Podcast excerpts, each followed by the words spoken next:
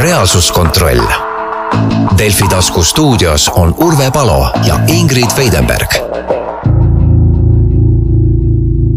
ja tere päevast kõigile, kes on asunud kuulama podcasti Reaalsuskontroll. stuudios on endiselt Urve Palo ja Ingrid Veidenberg ja täna oleme me jõudnud täpselt poole peale oma saadetega, ehk siis see on meie neljas saade ja neli saadet ootavad ees, siis oleme oma sügisprojektiga õnnelikult lõpule jõudnud ja võime minna kenasti jõulukuud tähistama ja uute toimetuste kallale. aga tere tulemast, Urve! tere, tere Ingrid ja tere, tere kõigile, kes, kes meid kuulavad! meie oleme siis jälle usinasti nädal aega lehti lugenud, televiisorit vaadanud, mõtteid see, mõlgutanud. ja mõtteid mõlgutanud, mis siis see nädal meile ette tõi. eile ilmus Päevalehes suur lugu, meie siin oleme väga jälginud, kuidas siis riik oma raha kasutab ja kuidas tal ei ole ettevõtjatele mitte mingeid toetusi, saage ise hakkama ja nii edasi. aga Eesti Päevalehes on Kärt Tanvelt ja Grete Palgi kirjutanud kahe peale loo Raha nagu raba ehk siis kuuskümmend avaliku sektori tippjuhi koolitust sisaldas teatrietendust, pidulikku õhtusööki ja läks maksma maksumaksjale kuuskümmend tuhat eurot. Urve, sina oled koolitaja sul on oma koolitusfirma, kas sa tundsid natukene seda lugu lugedes ka kibedat kahetsustunnet, et sina sellest kuuekümnest tuhandest eurost, nii palju kui ma tean, ühtki eurot oma firma kontole ei saanud? oi jah, sa ka nüüd lajatad küsimusega, Ingrid, et äh, kadedust ei tundnud, aga kulme pani kergitama küll. ja, ja ma päris huviga siis lugesin, et millest, millest see summa koosnes, sellepärast et mulle iseenesest väga meeldib, kui inimesi koolitatakse, see on osa tänapäeva juhtimisest, inimesed, kes tulevad tööle ja siis kogu see eneseareng ja, ja, ja, ja äh, koolitamine on, on väga ootuspärane, seda oodatakse ja, ja organisatsioon peab sellesse panustama, vastasel juhul ei ole ka edu loota, nii et, et see, see, selles ei ole küsimus, aga mind huvitas, et milline see koolitus siis välja nägi ja, ja kuidas need päevad välja nägid ja, ja lugesin huviga seda artiklit. Ja koolitus, mis tegelikult nagu siit loost selgub, ei olnudki päris koolitus, koosnes loengutest ja konverentsist pigem. konverentsist ja, räägiti ja, ja. kriisikindlusest ja veel, Urve, pane tähele, räägiti resilientsusest. kas sa tead, mis see on? ega ei oleks teadnud, et äh, see on tõesti jälle uus sõna, jälle targem mis on ju tore, kogu aeg saab mitte õppida. resistentsusest. mitte resistentsusest, jah. Äh, ja ma guugeldasin, õnneks on olemas doktor Google ja ütles, et see on heaolu ja vaimne tervis. et äh, kui ma vaatan seda, noh, põhiliselt sellest see päevakava siis õhtupoolik oli ka vestlusring, kriisikindel Eesti. just, aga, aga kui see oli konverents, mis, mis mahtus pärastlõunasse, millele järgnes veel teatrietendus ja õhtusöök, siis see konverentsikene oli ka päris lühikene. ja, ja sellest omakorda valdav osa oli siis kriisi, oot, mis asi see oli, kriisi äh, kriisi, kriisi äh, kindlus. kriisikindlus. kriisikindlus loen ma siit, jah. Äh, noh, see muidugi meenutab mulle juba meie valitseva erakonna seda mm, valimisplatvormi, kus kõik sõnad on, on, on, on seotud selle mm, -hmm sellega, aga hea küll, see selleks, et kriisikindlus ja, ja, ja välismaine ettekandja ka veel kuskilt Iisraelist vist, jah? just, just. et no väga huvitav, et, et noh, loodan, et meie tippametnikud on nüüd siis kriisikindlad. aga see, see võõrsõna, see heaolu, vaimne tervis, et sellest räägiti, see on küll tore. et äh, see on äh, tänapäeval oluline teema, järjest kasvav teema, vaimne tervis, ja kui meie ametnikud on vaimselt terved ja oskavad äh, stress, on hästi stressitaluvad ja, ja, ja nii-öelda ennast ise mm -hmm. äh, reguleerida ja, ja hoida, siis see on ju suurepärane mm, -hmm. aga see ei saanud olla väga pikk see pidi päris lühike ja väike ettekanne olema. ja see kõik ja. oli ettevalmistus äh, näitemänguks, äh, mille siis tõi lavale Ugala teater ja see oli ainult üheks ürituseks eraldi lavastus, mille nimi oli Mimikri ja mis kanti ette ainult sellel õhtul ja ainult nendele külalistele ja see läks maksma riigile kolmteist tuhat seitsesada kakskümmend viis eurot. ja kokku see üritus oli kuuskümmend tuhat. no ja siin ei ole sees majutust. just, et ja ööbimise eest maksis siis iga ametkond veel eraldi, et no mina nimetaksin seda üritust siiski laias laastus jõulupeoks et äh, vaata, detsembris ei julge ju keegi teha, sellepärast et seda ajakirjanikud jälgivad, et mis üritusi detsembris tehakse, aga kui see on novembri, isegi oktoobri lõpus, siis ju koolituse nime all. jah, ei eelda keegi, et peetakse juba jõulupidu, nii et noh, mis ta, mis, mis ta laias laastus muud oli kui jõulupidu. ja jällegi, mina ei ole sugugi vastu, et ametnikud ka jõulupidusid peovad, peavad ja, ja oma meeskonda läbi selle tugevdavad ja ja kontakte tõhustavad ja kõik, kõik see pool.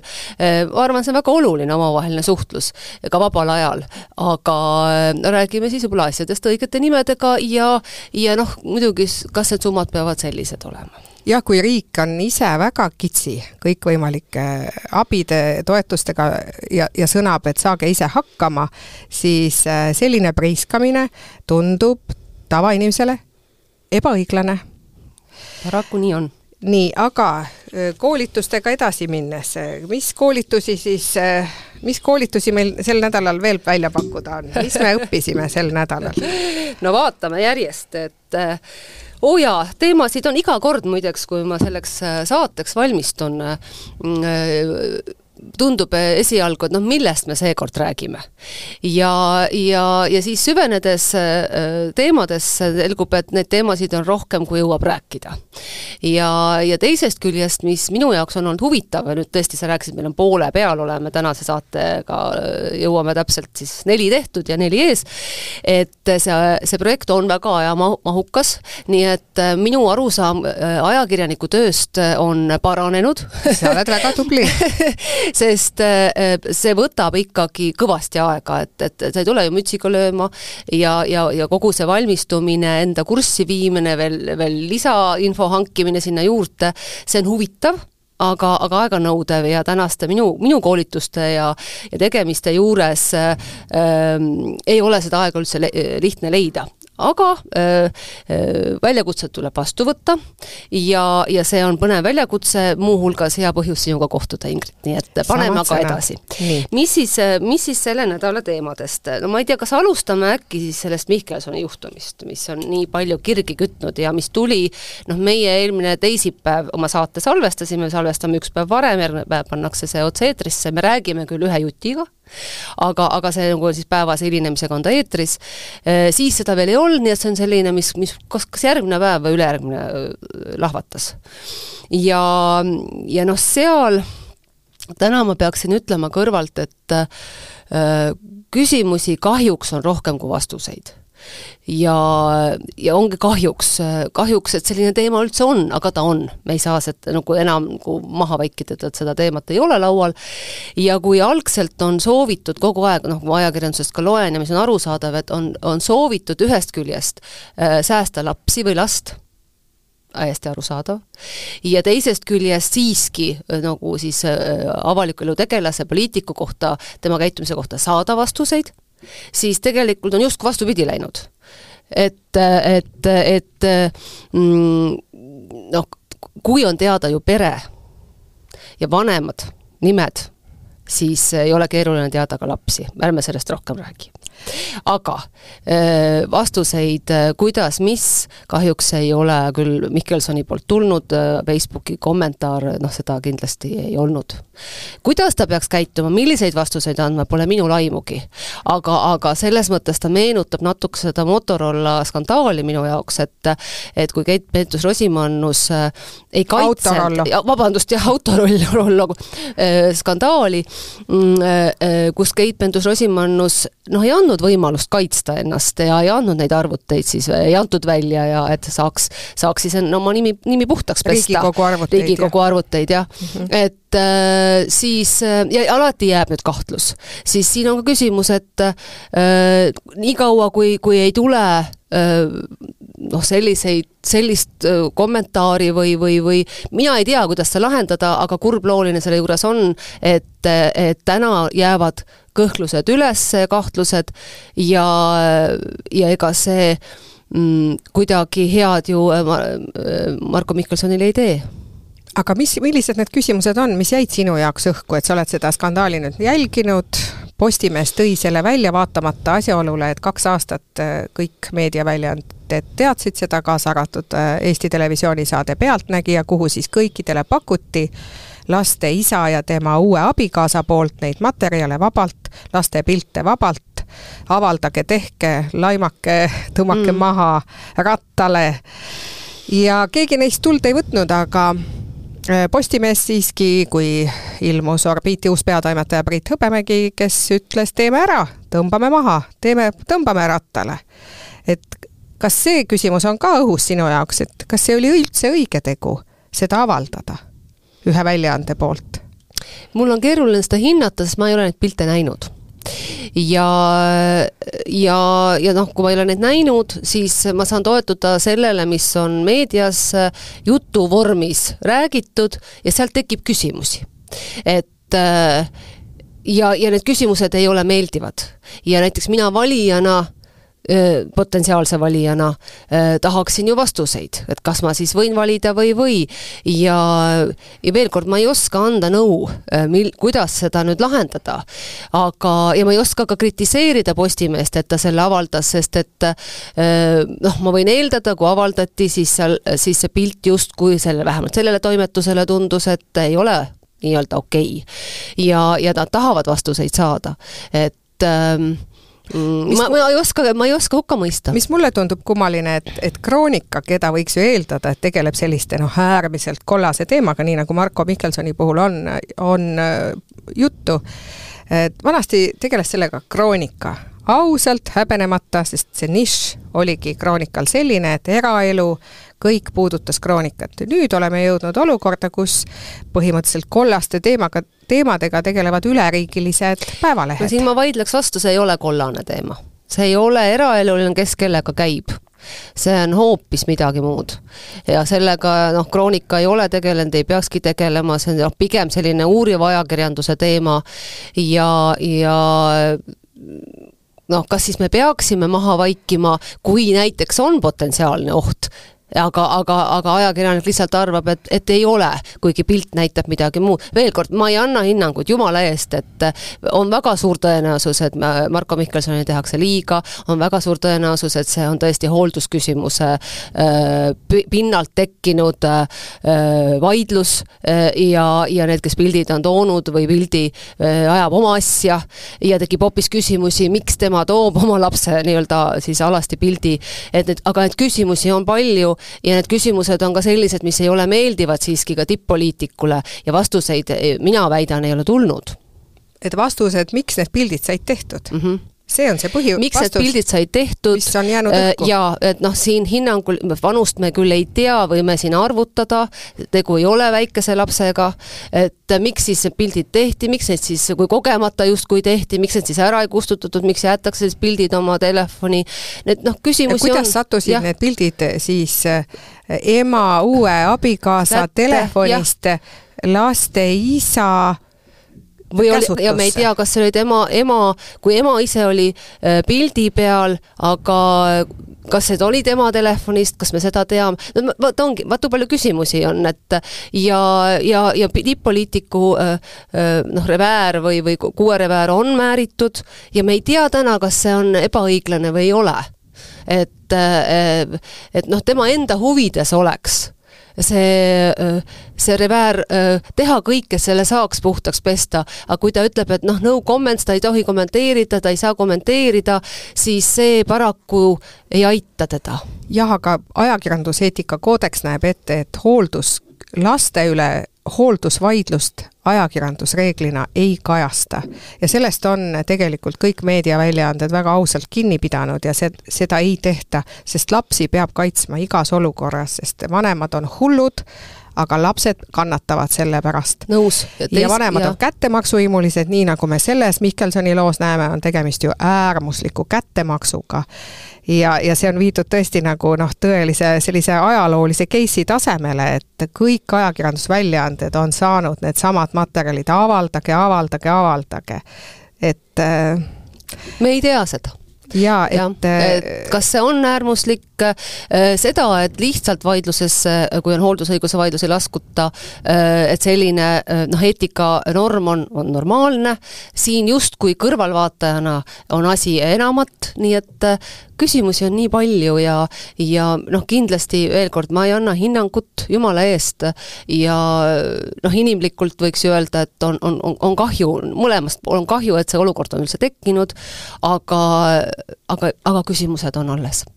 aga, aga siit ma läheks üldse edasi teise teemaga, mis, mis haakub natukene, et ma lugesin mm, selle teema raames Postimehes oli äh, siis poliitajakirjaniku, kes väga palju palju poliitikast kirjutab läbi aastate juba erinevates väljaannetes on ta teinud tänaseks Postimehes, Mikk Salu, äh, sellist lugu mm, sellel teemal, kus ta siis äh, arutleb, et äh, et Kaja Kallas justkui olevat kutsunud Marko Mihkelsoni kunagi erakonda, Isamaast siis Reformi, lubadusega, et ta võib saada kaitseministriks. Mm, ja, ja siis noh, edasi ta arutleb, et sellist lubadust ju ei saa ükski erakonna esimees anda see seda ei tehta, sellepärast et äh, kunagi ei tea, kas ollakse võimul ja millised ministrikohad saadakse. siin ma tahaksin nüüd öelda oma kogemuse pealt, et äh, ma ei oleks oodanud nii mm, kogenud poliitajakirjanikult äh, sellist äh, julget väidet, et ta peaks minu arvates oma allikaid äh, kas valima või, või äh, küsimärgi alla panema tulevikus, kust iganes ta seda kuulis, sest et selge on see, et erakonna esimehed kutsuvad küll äh, uusi inimesi oma erakonda, öeldes, et äh, tule äh,, kui me saame võimule, siis sa saad vot selle või selle ministrikoha, see on suht-, suhteliselt tavaline. kas antud juhul seda Kaja Kallas tegi, mul pole õrna aimugi, aga tema väidab, noh siis Mikk Salu kindlas kõneviisis, et seda ei tehta, et äh, ja, ja, ja siin veel on väga huvitav nüanss, mida võib-olla paljud ei tea, et kui siis noh, era-, inimene on tulnud eh, sellise lubaduse peale ja siis eh, võimule saadakse, eh, siis, siis väita ka, et erakonna esimehel ei ole nagu võimalus valida, milliseid ministrikohti ta saab. tõsi on see, et ta ei saa öelda, et vot ma tahan seda viite positsiooni need on minul ja kogu lugu, nii, nii see tõesti ei käi. küll aga on võimalik alati erakonna esimehel üks-kaks positsiooni panna enda jaoks lukku ja öelda, et vot neid kohti ma tahan. ja, ja, ja niimoodi läbirääkimisi pidada ja seda tehakse. ja lihtsalt erakonna esimehel on hiljem väga mugav minna noh, oma siis erakonna liikmete, fraktsiooni juurde ja öelda, et vaadake, või selle konkreetse inimese juurde siis, et seda positsiooni ma ei saanud, küll mina oleks tahtnud, aga ma lihtsalt ei saanud, seda ei ole võimalik enam tõestada, aga fakt on see, et kui ta oleks väga tahtnud, ta oleks saanud, tavaliselt erakonna esimees tegelikult ei taha seda või tihtilugu ta ei tahagi seda inimest üldse valitsusse, aga noh, äh, nii need asjad käivad. aga äh, räägime ka sellest, äh, kuidas naised saaksid ennast paremini poliitikas kanda kinnitada. et meil on siin nüüd just äsjane juhtum, kuidas äh, rahandusministriks äh, sai ka naist na,, tagasi astunud naise asemel ka naine, mis on tervitatav ja väga positiivne ja meile see väga meeldib. aga sellegipoolest naiste ligipääs nii kõrgetele ametikohtadele, nõukogu liikmeteks, riigikogu liikmeteks, ministriteks on endiselt väga suurte ohakatega kaetud. Ja põhjus on selles, et mehed leiavad, sul oli kena tsitaat Arto Aasalt selle kohta, palun loe see ette nojah, mehed ütlevad, et, et ettevõtjad soolist ega ka muud diskrimineerimist kindlasti ei toeta, no väga ilus lause tõesti, loe ükskõik ette või taha, et väga ilus lause.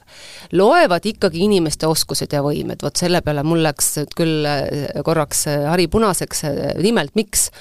tulles sammu tagasi äh,, siin oli lugu sellest, et sooline tasakaal tammub Euroopas paigal ja, ja siis toodi ka välja, et Eesti parlamendis äh, oli üheksakümne teisel aastal kolmteist protsenti naisi.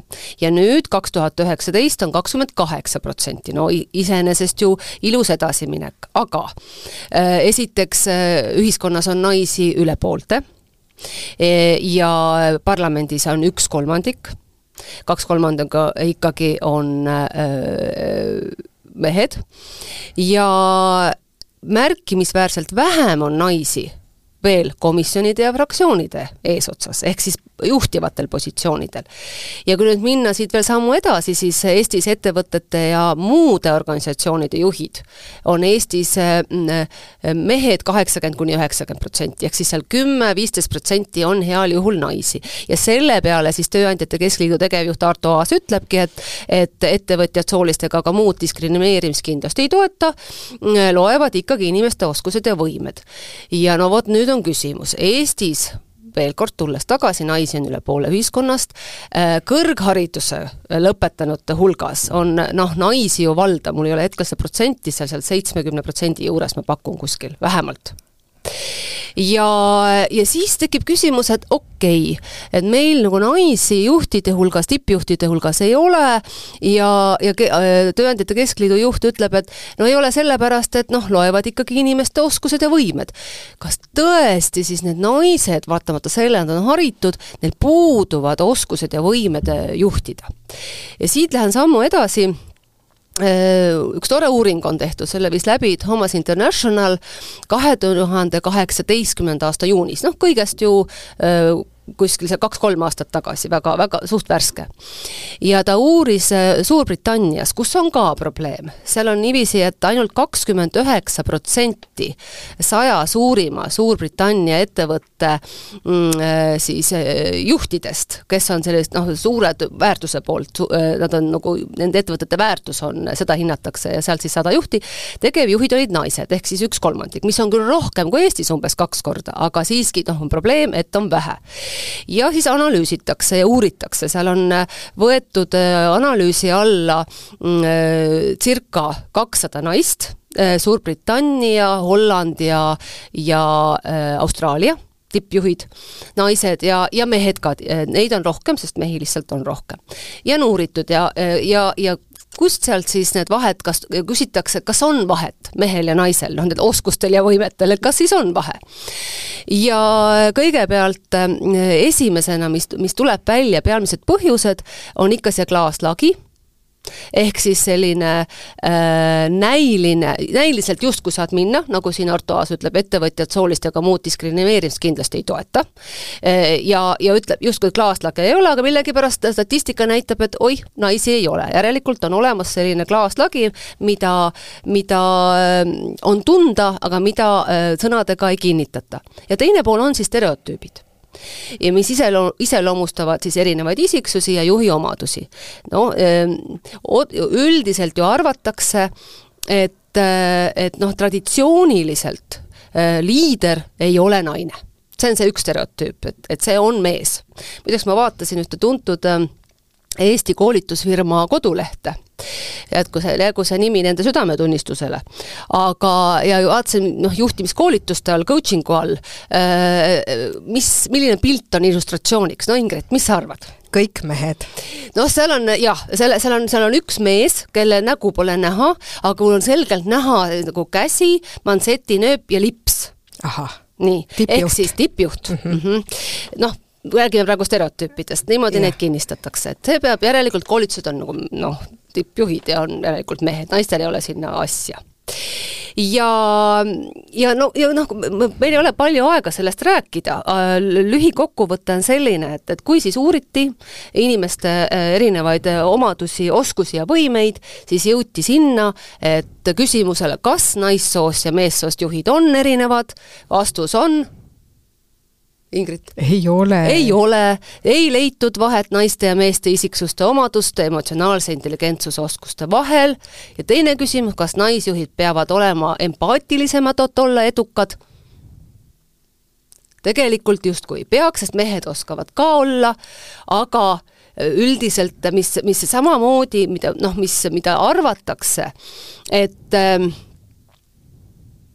et, et, et naissoost juhtidel on oluliselt madalam enesekontrolli tase, arvati ehk sinna käib siis emotsioonide reguleerimine, impulsside kontroll, stressi juhtimine samuti ja samuti arvati, et naissoost juhtidel on kõrgem emotsioon, emotsiooni tajumise ja juhtimise võime. aga uuringud näitasid, et nendes omadustes naistel ja meestel ei ole olulist vahet. ja äh, nii mees- kui naisjuhid olid ühtviisi empaatilised, veenvad, konkurentsihimulised ja suhteid väärtustavad. ja, ja ka oskuses ennast motiveerida ei leitud erinevusi.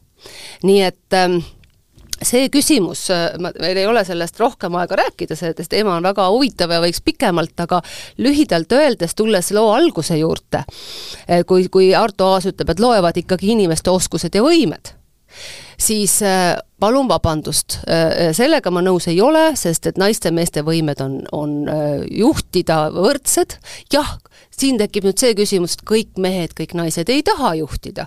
kõigil meestel ja naistel ei ole üldse ambitsiooni, ei ole ka oskusi ja võimeid. aga öelda, et ühel sool on neid rohkem kui vähem, kui noh, statistiliselt vaadata, et Eestis on kümme-viisteist protsenti naisjuhte, siis probleem on ikka kuskil mujal. ja, ja seda ma oleks tahtnud ka nagu kuulda, et, et kas on selles, et et stereotüübid on meil, mille järgi otsustatakse, muideks siin uuringus tuleb ka välja, et et meeste puhul kakskümmend viis protsenti rohkem öeldakse, öeldakse, miks ma valisin mehe, sest et temal oli vastav haridus ja vanus, öeldakse. aga naiste puhul, miks ma valisin naise, öeldakse, vot seal juba hinnatakse emotsionaalset intelligentsust ja kõiki nagu sellist isikuomadusi, aga mitte seda, et noh, et tal on kas vanus sobib, kogemusi või tal on haridus. temal peab olema palju midagi muud, mida mehel justkui ei pea. et, et siin on palju teha meil kõigil selle stereotüüpidega, meil on palju teha selle julgustamisega, palju selle, kas me märkame naisi, kas me edutame neid seestpoolt, kas me saame aru, et et, et oluline on tõepoolest oskused ja võimed. et ja, ja, ja mitte stereotüüpselt ka, ka see sugu, nii et mm, noh, see algab muidugi sellest, kuidas valitakse kuidas me läheme valimiskasti juurde, palju me näeme naisi seal otsustajate ringis, see kõik omakorda mõjutab. ja eelmine kord me siin kiitsime, et Kaja Kallast, kes tõesti on peaaegu pooleks on meil valitsuses naisi natuke vähem kui pooled. Ja see on tõesti tunnustamist väärt, sest ka nendes organisatsioonides, kus on mehi, naisi, erinevaid vanuseid äh, noh, tasakaalus, et otsused on mõistlikumad ja, ja ka selline õhkkond on koostööaltim, nii et mm, siin tunnustus. Ma mäletan ise aega, kui valitsuses ja see ei ole üldse ammu tagasi, oli üks naine, kaks naist ja siis tõesti tundub ka ühiskonnale justkui ilu pärast just, just ja mina võin küll öelda väga positiivsed sõnad nende kõigi naisjuhtide kohta, kellega minul on olnud elus kokkupuudet. ja mina, kui mul oleks valida, siis ma võtaksin alati naise ja ma võtaksin viiskümmend pluss naise lausa, sest et viiskümmend pluss naine on üks erakordselt kohusetundlik juht. Äh, tal on äh, prioriteedid paigas, äh, ta on valmis tööd tegema kas või öösiti, sest lapsed on juba suureks kasvatatud, tal on elukogemust, empaatiat, kõike, kõike, kõike. nii et äh, mina ainult julgustaksin võt-, võtta tööle ja palgata juhtideks naisi kes tegelikult viiskümmend pluss tööjõuturul peaksid olema ju absoluutselt oma, oma sellise väärtuse kaotanud, et parim enne on möödas, vastupidi, viiskümmend pluss naine hakkab alles näitama seda, mida ta, mida ta päriselt oskab. Ja hea küll, paneme siis täna täiega juba, kui niimoodi läks, et ma mõtlen äh, sellel teemal äh, emotsionaalne intelligentsus, ma rääkisin sellest pikalt, et seal ei olnud äh, vahet meestel-naistel ja kuigi arvatakse, et on, siis tegelikkuses, kui see emotsionaalne intelligentsus selle uuringu järgi veel tükkideks teha, millest me koosneb, siis siit on näha, et, et sotsiaalne teadlikkus, kohanemisvõime, enesemotivatsioonivõime ja selline õnnetunne on täpselt võrdsed meestel-naistel, aga muideks tead, kus naised on paremad, need vahed ei ole nagu noh, kordades, aga nad on siiski öö, protsent, noh, mitmed protsendid paremad, naised on öö, emotsionaal, emotsionaalne selline juhtimine on parem, suhetes on paremad, emotsionaalses väljenduses on paremad, enesekehtestamises on paremad, emotsioon, emotsioonide tajumises on paremad, empaatias on paremad ja kus on, ja optimismis on paremad, aga kus on mehed natuke paremad Äh, nad on natuke paremad stressi äh, sellises juhtimises, kui on stressiolukord, äh, see otsustamises, kui on vaja kiirelt otsustada, naised otsustavad kusjuures kiiremini nii-öelda no, mehed otsustavad aeglasemalt, ja siis ka sellises nagu emotsioonide reguleerimises mõnevõrra, et, et noh, naine näitab emotsiooni võib-olla kiiremini välja, aga ma ütlen veel, vahed ei ole suured, aga noh, need on, ja kus on kindlasti meestel äh, rohkem enesehinnangus, nad on kõrgema enesehinnanguga, see on ka üks osa sellest, miks me näeme tippjuhtide hulgas naisi vähem, ma arvan, on, peitub selles viimases, et nad ei lähegi, julgegi ennast pakkuda, sest noh, mis nüüd mina mm. -hmm. ja, ja noh, neid lugusid me teame, kui, kui naisele pakutakse, siis ta hakkab kohe lugema mingit rolli, et mida ta kõike ei oska, aga kui mehele, kes samu asju ei oska pakkuda sama rolli, siis ta ütleb, me üldistame, andke andeks need mehed, kes niimoodi ei käitu, et üldistame, et äh, siis ta ütleb, oh, pole viga, teeme ära see enesekindlus on nii suur ja, ja siin ma julgen naisi nüüd jällegi julgustada, et eh, on põhjust olla märksa enesekindlamad, kui, kui üldiselt olete, oleme. aga Urve, näitame siis ise eeskuju ja kevadistel valimistel siis lepime kokku, et meie valime naist. sobib, sobib, ma olen üldjuhul eh, enne poliitikasse minekut ma valisin alati naisi ausalt. Ja no poliitikas valisin loomulikult ennast kui sa ise ei vali, kes siis veel, ja poliitika järgselt, tõsi, eelmine kord ma valisin meest, aga hästi teeme sellise kokkuleppe. mul, seda öelda, et ma ei leia tubli naist, kelle poolt valida, noh, seda, seda absurdset juttu ma ei hakka rääkima, loomulikult ma leian ja teen seda rõõmuga. ma arvan ka, nii et valime naisi ja aitame neid Äh, samale ja. pulgale, kus on täna juhtimises mehed. aga mina lubasin eelmises saates mm, -hmm. et mina nüüd näitan elavalt eh, kuidas ühte ettevõtjat siis noh, nimetame seda, kiusatakse, noh, kõik see on ju põhjendatud riigi poolt, miks nad seda teevad ja ma kujutan ette, kuidas see kõik on ülivajalik ja ilma selleta ei saa ja aga millega peab, peab kokku puutuma üks ettevõtja suheldes riigiga, ehk siis kui palju äh, tingimusi, kontrolle, nõudmisi, ettekirjutusi on ühe ettevõtja elus. ja ma suhtlesin väga mitme ettevõtjaga, tippjuhiga, äh, et, et et saada ligi nendele andmetele ja tegin tõelist uurimustööd. näiteks võtsin ühendust ühe väikeveinitootjaga, ühe veinitaluga, kes on väga edukalt juba kümme aastat ennast ise ära majandanud, nad on maksnud tublisti riigimakse, teinud kõik nii, nagu peab. Nad ei ole riigile koormaks, neid ei pea kuidagi toetama, inimesed saavad ise hakkama. tublid ettevõtjad, maksumaksjad, nii ja riik siis kostitab väikeettevõtjat sellega, et saadab sinna siis vähemalt korra aastas veterinaar- ja toiduametniku kontrollima nii seda veini tootmist kui ka sealsamas veinitalus söögi tegemist ja alati võetakse kaasa ka pudel veini analüüsideks kuigi seesama ettevõtja peab niikuinii igast partiist ühe pudeli enne müügile laskmist laborist läbi laskma. et äh, see on juba kulu. iga veinipudel, mille peab niisama tasuta välja andma, on ettevõtjale kulu siis tuleb teha aastas joogivee analüüsid, tööpindadelt listeeria analüüs, maksu- ja Tolliamet käib igal aastal tegemas täielikku laokontrolli, siis käib töökaitseametnik uurimas töötingimusi. ja kui seesama ettevõtja pöördus siis äh, äh, maa ministeerium, Maaeluministeeriumi poole, et kas te saaksite koostada teabematerjali, missugused nõuded on alkoholi väikekäitlejatele et toiduohutuse nõudud, nõuded, turukorralduse nõuded, millised maksud, et palun esitage mulle üks A4, et ma teaksin, millega ma pean aasta jooksul kokku puutuma. mis on õigusaktid, millised klassifikatsioonid, kõik, kõik, kõik ta pani kõik siia ilusasti kirja, missugust abi ta riigilt ootab, et ta teaks. missugused on tegevused üldse öö, töötlemise alustamiseks ja nii edasi ja nii edasi, et, et ta teeks kõike õigesti. ja siis sai tema Maaeluministeeriumilt vastuse. et aitäh selle ettepaneku eest ja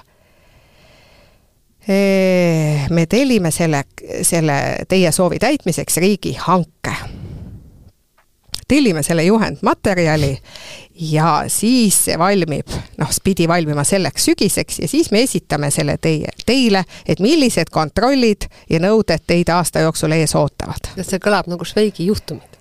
no see kõlab nagu see äh, riigimeeste seriaal jah kus noh, enam absurdsemaks minna ei saa, et selleks, et palun riik, öelge mulle, mida ma, millega ma pean aasta jooksul arvestama, tuleb vastus Maaeluministeeriumilt, me tellime selleks riigihanke oodake nüüd natukene.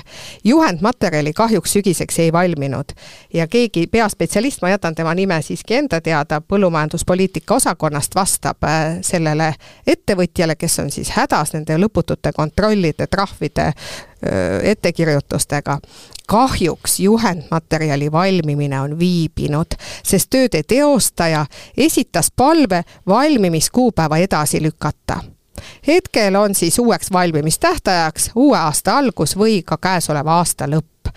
kui ettevõtja ütleks, et vabandust, sajad mm. miljonid kontrollid, kes te mul siin käite üksteise alla, ei ole valmis teie kontrolliks ei sügisel ega käesoleva aasta lõpus, vaid tulge uue aasta alguses tagasi. siis läheb asi ju väga karmiks.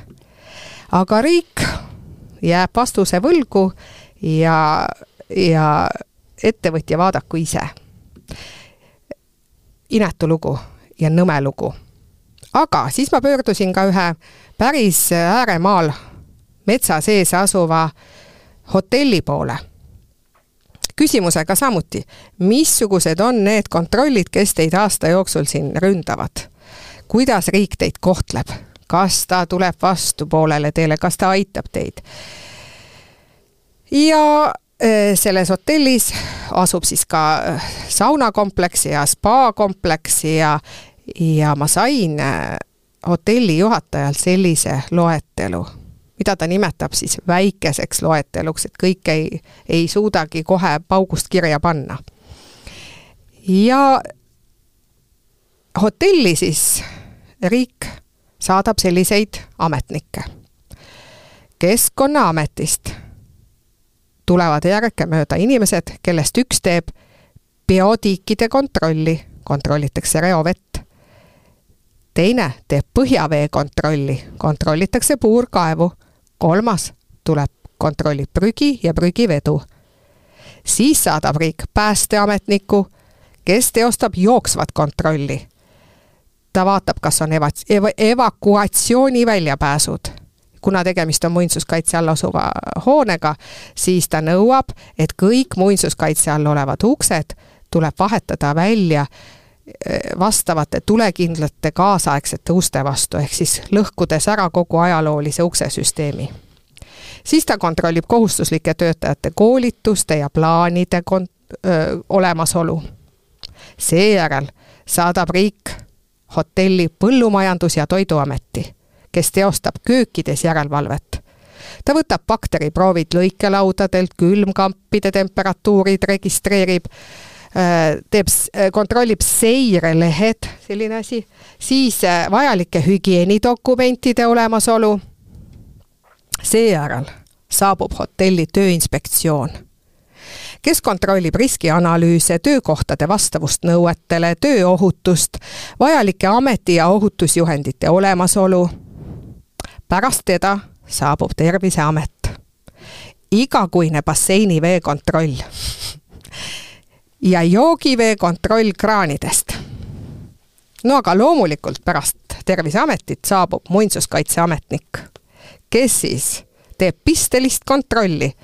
ta käib ja luurab ümber maja, pildistab üles kõik, mida pildistada annab ja koostab aruannet ja kui miskit talle ei meeldi, siis teeb ettekirjutuse, mida tuleb rangelt ja koheselt täita, ehitused peatada, trahvid maksta ja nii edasi. seejärel saadab riik hotelli Keskkonnainvesteeringute Keskuse ja PRIA kontrollid, kuna hotell on läbi antud ametite saanud väikest toetust oma äh, tead, tundub, et enne kui sa jõuad lõppu, on, on hommik käes ja see loetelu tõesti, Urve, kujutad ette, see ei lõpe kas me tahaksime olla selle hotelli juhid? ei taha. ei taha. tõsi, kliendina. ja omanik, see, et, et, et mille kõigega sa pead hommikust õhtuni maadlema, ametnikud käivad, kulutavad ukse läve ära. andke, tehke, oldagu, tehtagu ja siis, kui esitada neile küsimus, et vabandust, äkki te esitaksite ühel A4-l mis need tingimused ja kõik on, mis me, mis, mis üks ettevõtja peab tegema, siis me teeme selleks riigihanke ja see saab võib-olla, võib-olla, et valmis poole aasta pärast. et et äh, jah, noh, ühest küljest äh, loomulikult ei tahaks olla selle ettevõtja nahas, äh, aga tarbijana muidugi on hea teada, et kõik on kontrollitud, vesi on puhas, bakterite, baktereid on otsitud siit ja sealt ja pole leitud ja mina võin siis rahus kas puhata või seda toodet tarbida, nii et, et mingi kontroll on ju vajalik. aga kas sellisel, kas sellises ulatuses ja eriti noh, ma ei, ma ei oska, ei, ei kommentaari, nagu öeldakse, aga äh, see hankenäide on muidugi äh, noh, nagu naljanumber ja ja no ma panen siia ühe näite veel juurde maja ehitus või kasutusluba ajasin hilja, hiljaaegu, see on nii keeruline, on läbi selle ehitusregistri neid asju ajada, et see on lihtsalt, ma varem olen seda tööd teinud, siis sa lihtsalt viid valda dokumendid, midagi on puudu, veed veel ja asi tehtud. nüüd läbi selle ehitusregistri kõik see ju ei toimu sel-, toimi sellisel moel. vaja dokumenti lisada, error ei lase lisada, helistan ehitusregistrisse, see oli vähemalt väga viisakas proua, kes vastu võttis. ja, ja hea küll, ma teen teile ära hakkab lisama, ütleb oi, tõesti ei tööta, ei saagi lisada. no ma annan IT, IT-osakonda teada. ma ütlesin, no aga kas te annate mulle teada, kui see on korda tehtud? teate, meile tagasisidet ei tule. meie ei saagi teada, kas on korda tehtud või ei. proovige lihtsalt kunagi uuesti. ma küsisin, millal ma võin siis proovida, aga ma ei tea, millal te võite proovida, millal nad seal IT-osakonnas teevad ja kas teevad. aga et, et ma vaatan praegu, no jälle valimised on tulemas ja, ja me ju nimelt ka võtame siin erinevaid erakondi ette ja et, et anda inimestele sellist võimalust ise mõelda kaasa ja, ja küsime küsimusi, et ma vaatan praegustest poliitilistest jõududest, kas see oli nüüd hiljuti, isegi kas tänases lehes on vist Eesti kahesaja juhil on artikkel, kus siis ta muuhulgas toob välja selle ametnike hulga ja ja, ja selle, et, et riik peaks eh, ja ametnikud olema näoga ikkagi kodaniku ja ettevõtjate poole, et ma arvan, siin on, eh, see on õige küsimus äh, ka haakub sinu, sinu küsimusega, et, et loomulikult me ju kumbki ei väida, et kontrollida pole vaja ja ja peaks olema anarhia, aga küsimus on, et kas, äh, millise suhtumisega seda tehakse ja, ja kui keeruliseks see on tehtud ja et kas ei ole tahtmine äh, suretada välja elu maal, et seal jumala eest mitte keegi mitte kunagi mitte midagi tegema ei hakkaks, sest see on meeletu äh, tamp, mis sinu selga siis tuleb, et need inspektorid, need lõputud ametnikud, kes kõik on, äh, saavad palka selle eest, et sind sõna otseses mõttes kottida. Ja ja ka sellist klienditeenindust, et noh, mul oli ka kevadel oli üks, üks projekt, mida ma juhtisin, kus mul oli vaja äh, ametnikega koostööd teha nüüd hoopis teises rollis ja ja ma nägin, et sellist, äh, ma olen täiesti üllatunud, äh, nähes, et klienditeenindus, et ametnik on minu kui kodaniku või ettevõtja teenistuses, et teda ei, ma pidin meelde tuletama neile ka suheldes ühes osa, ühes asutuses, et kallid sõbrad, et kui te, kui mind ei oleks selle probleemiga siin, siis ei oleks teid ka, sellepärast sellepärast et teie olete ellu kutsutud nende probleemide lahendamiseks. see oli, äh, antud juhul oli jutt äh, siis KredExist. ja, äh, ja noh, siis see nagu korra jäi mõttesse ja muutis natuke suhtumist. aga noh, see hakkab muidugi nende samade tipp tippjuhtidest, keda koolitati, kust me oma saadet alustasime pihta, et et kas tippjuht, kes seda äh, asutust, ministeeriumi juhib äh,, millise sõnumiga tema pöördub oma siis alluvate või kolleegide poole, et millist rolli need kolleegid tal siis peaksid kandma ja nägema, kas kodanik on tüütu putukas ja ettevõtja või äh, on hoopis see, et, et ta on klient ikkagi ja tänu nendele klientidele on üldse meil see töökoht. ma tahaks seda viimast rohkem rohkem äh, kuulda ja ma tahaks näha, et, et seda teemat ka rohkem kõik parteid võtavad, äh, võtavad nagu teemaks ja kanda. Ja et ametnikud on ikkagi maksumaksja alluvad, mitte vastupidi. ja ma leidsin seda lõiku ette valmistades või seda oma uurimustööd teha, tehes Maalehest ühe äh, mõni aeg tagasi ilmunud artikli, kus siis üks Võrumaal mahedaid marjakrõpse tootev ettevõtja Taara põlla, põllutalust kirjeldab elu maal et aasta jooksul käis teda kontrollimas kakskümmend kaks Veterinaar- ja Toiduameti inspektorit. ja see lugu on lihtsalt nii pööraselt naljakas, et see näeb välja nagu sketš, kuidas siis ametnikud seda vaest äh, põllumeest, kes teeb siirast südamest mahekrõpse, kohtlesid. et äh, kui nad näiteks, ma toon ühe näite, Urve, siis me selle teema mm -hmm. kohe lõpetame, et äh, maal on ikka rotte räägib see Krõpsutalu peremees, ja paneme nende vastu mürki. just siis, kui üks inspektor tuli, oli üks rott mürki söönud ja ära surnud. inspektor küsis, et mis me laibaga teeme.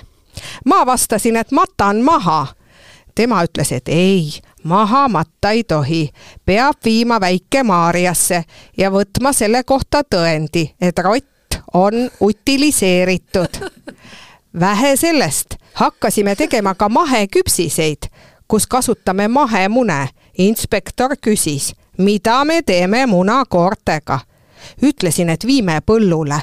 tema ütles, ei tohi, see on loomne jääde ja on vaja Väike-Maarjas utiliseerida kuule, ma ei usu, sa, sa võid, sul on praegu, sul on selle äh, mingi naljanurgast ei ole, see on päris tõsi ja selle on siis Taagapõllu ta, talu peremees Edgar Kolts rääkinud ka Toiduliidu aastakonverentsil oma kõnes, kus ta sai siis kuulajad pisarateni naerma.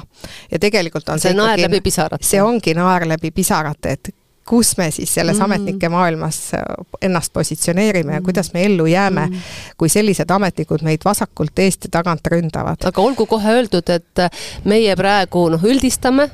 Ametnike hulgas on väga tublisid oma tööd südamega tegevaid ja kes saavad aru, et, et, et kes on klient, aga, aga eh, ehk me ei taha öelda, et kõik on sellised, on ju absoluutselt ja. mitte, aga et siin jääks, jääks inimlikuks, see on, see on ainus soovitus, et jääks inimlikuks ja aitaks, abistaks mm -hmm. seda vaest ettevõtjat, kes eh, või kodanikku.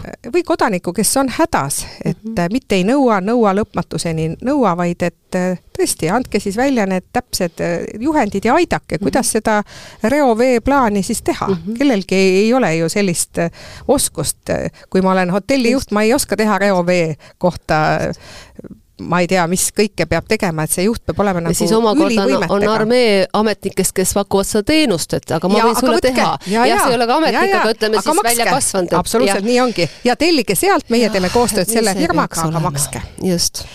nii et rohkem inimlikkust. aga Urve, meie põhiteema, igas saate lõpus me räägime tantsusaatest, nii et äh, me peame mõlemat tuhka endale pähe raputama.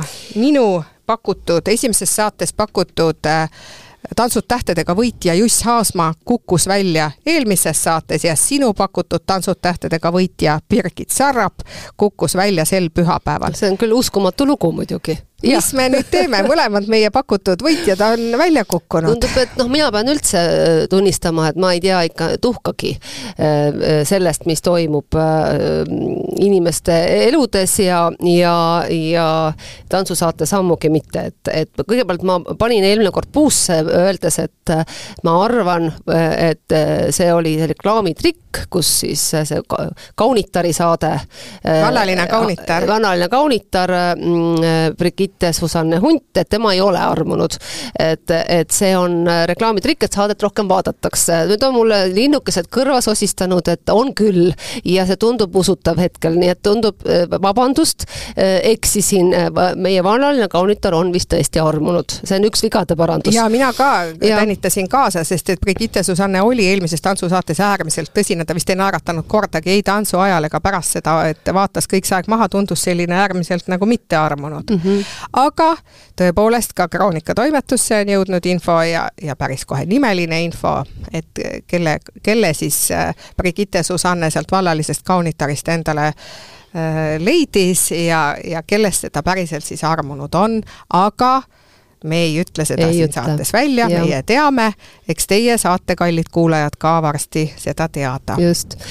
aga, aga kes võidab jah, siis tantsusaate, teeme uued panused? teeme uued panused, tõesti, mul on need kaardid sassis, et ma ei oska enam kohe midagi, no kes seal siis on, ma saan aru, et Villem Trillem ei osale üldse, ei jätka enam. ei jätka tema Nii. oma põlve tõttu. kas tema asemele tuuakse keegi teine? pidi tulema Must hobune nüüd sel pühapäeval, eks ole näha. okei okay,, vot siis ju veel ei tea, et äkki see Must hobune võib võita, siis on meil jäänud seal Ülle Lihtpelt, meil on jäänud äh, Jüri Ratas, siis ongi sama Brigitte Susanne Hunt, kes veel on, aita mind ah,. siis on see Ukraina no, noormees. jaa, Trotšinski ja Ruslan, Ruslan., kelle ma ka käisin välja ühe potentsiaalse, potentsiaalse võitjana, aga mulle tundub, et ta et siiski ei võida. kas veel on keegi, praegu on neli või ongi ainult neli jäänud, pluss see must hobune siis? ja kaheksa oli, et. jah, no siis mm -hmm. Nii, nii., noh, keda no, ma nüüd pakun? Jüri Jüri saab oh, kõvasti jah. kiita. saab, Jüri saab kiita ja vali või ja, ja noh, valijad või ütleme äh,, inimesed ka helistavad.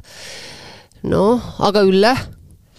mina pakuks omalt poolt küll Ülle. Ülle on ja te, mina teeks panuse Üllele mm, -hmm. sest et see, missuguse kirega tema seda tantsusaadet võtab, see on ikka meeletu no ma praeguses äh, ütleks ka kas Jüri või Ülle, sest ma julgeks teisi pakkuda ja Musta hobust ei tea.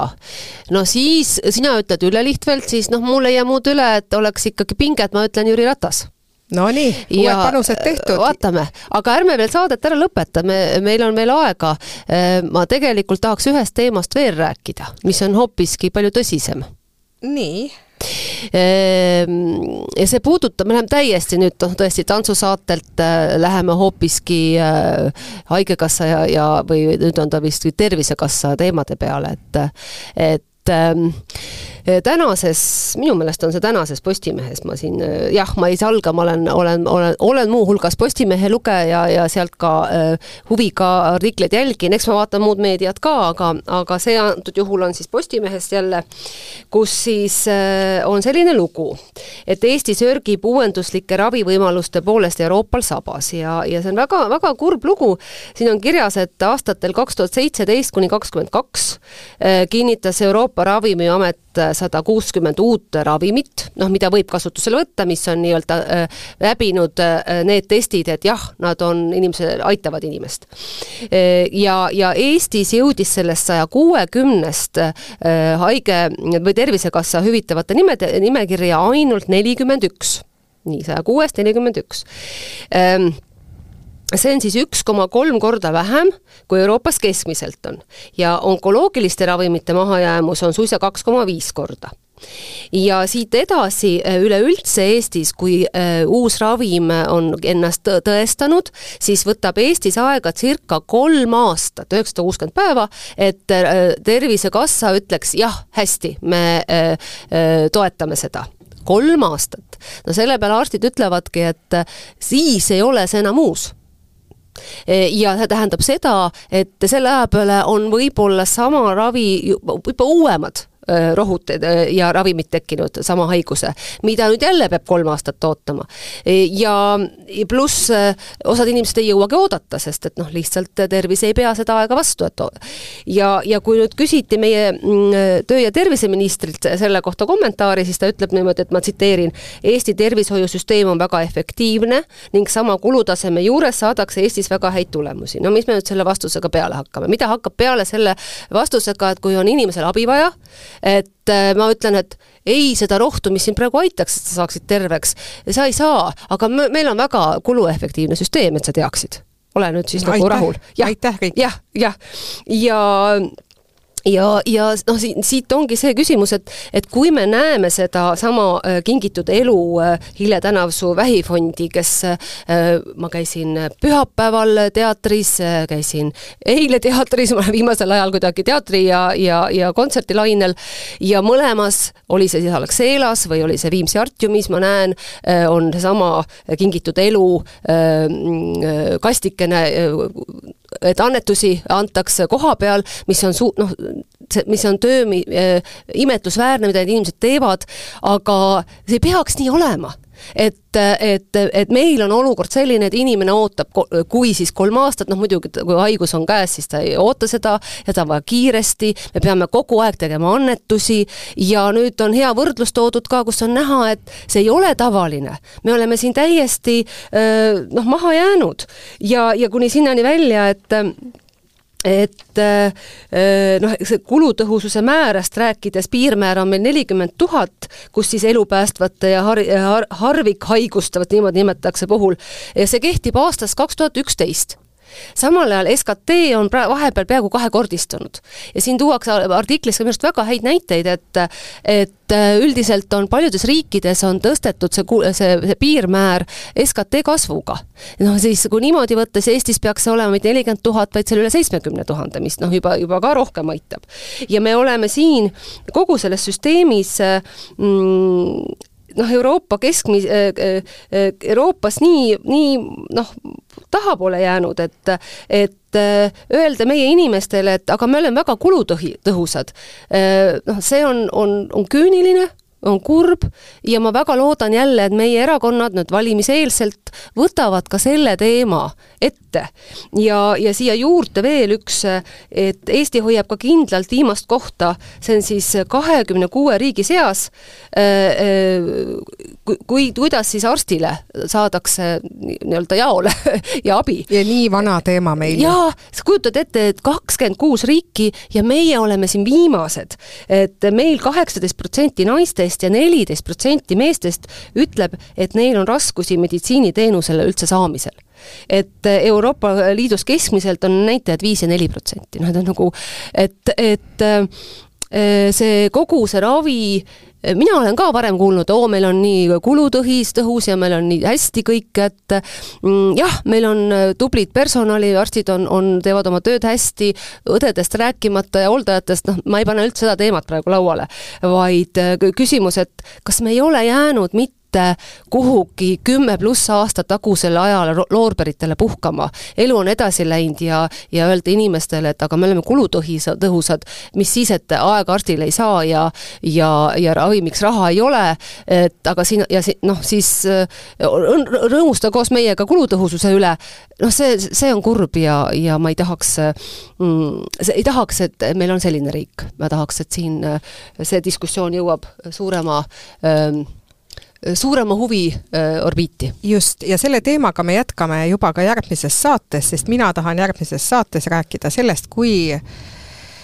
ligipääsetav on riigipoolne abi siis vaimse tervise probleemidega lastele, noortele, täiskasvanutele, seda abi ei saa. see on võimatu missioon ja ma järjekordselt teen uurimustöö ja toon selle siis äh, teie ette järgmises saates, mismoodi on Eesti Vabariigis võimalik pöörduda psühholoogi, psühhiaatri või äh, selle ala spetsialisti, terapeudi poole, et ja, ja ma püüan ära tõestada, et see on võimatu saada aega lähima poole aasta jooksul aga aitäh sulle, Ingrid, ma ütlen juba ise ette aitäh, ma kuulan ka huviga, sest äh, tunnetuslikult äh, ma äh, arvan ka, et see on üks väga suur kadalipp, mul ei ole isiklikult äh, olnud äh, seda kogemust praegu, aga ma olen nii palju kuulnud kõrvalt äh, ja, ja samal ajal ka see teema, et kus sul on ikkagi nagu vaja psühholoogi abi, näiteks lapsel, ja sa ei saa seda õigeaegselt, siis need tagajärjed on äh,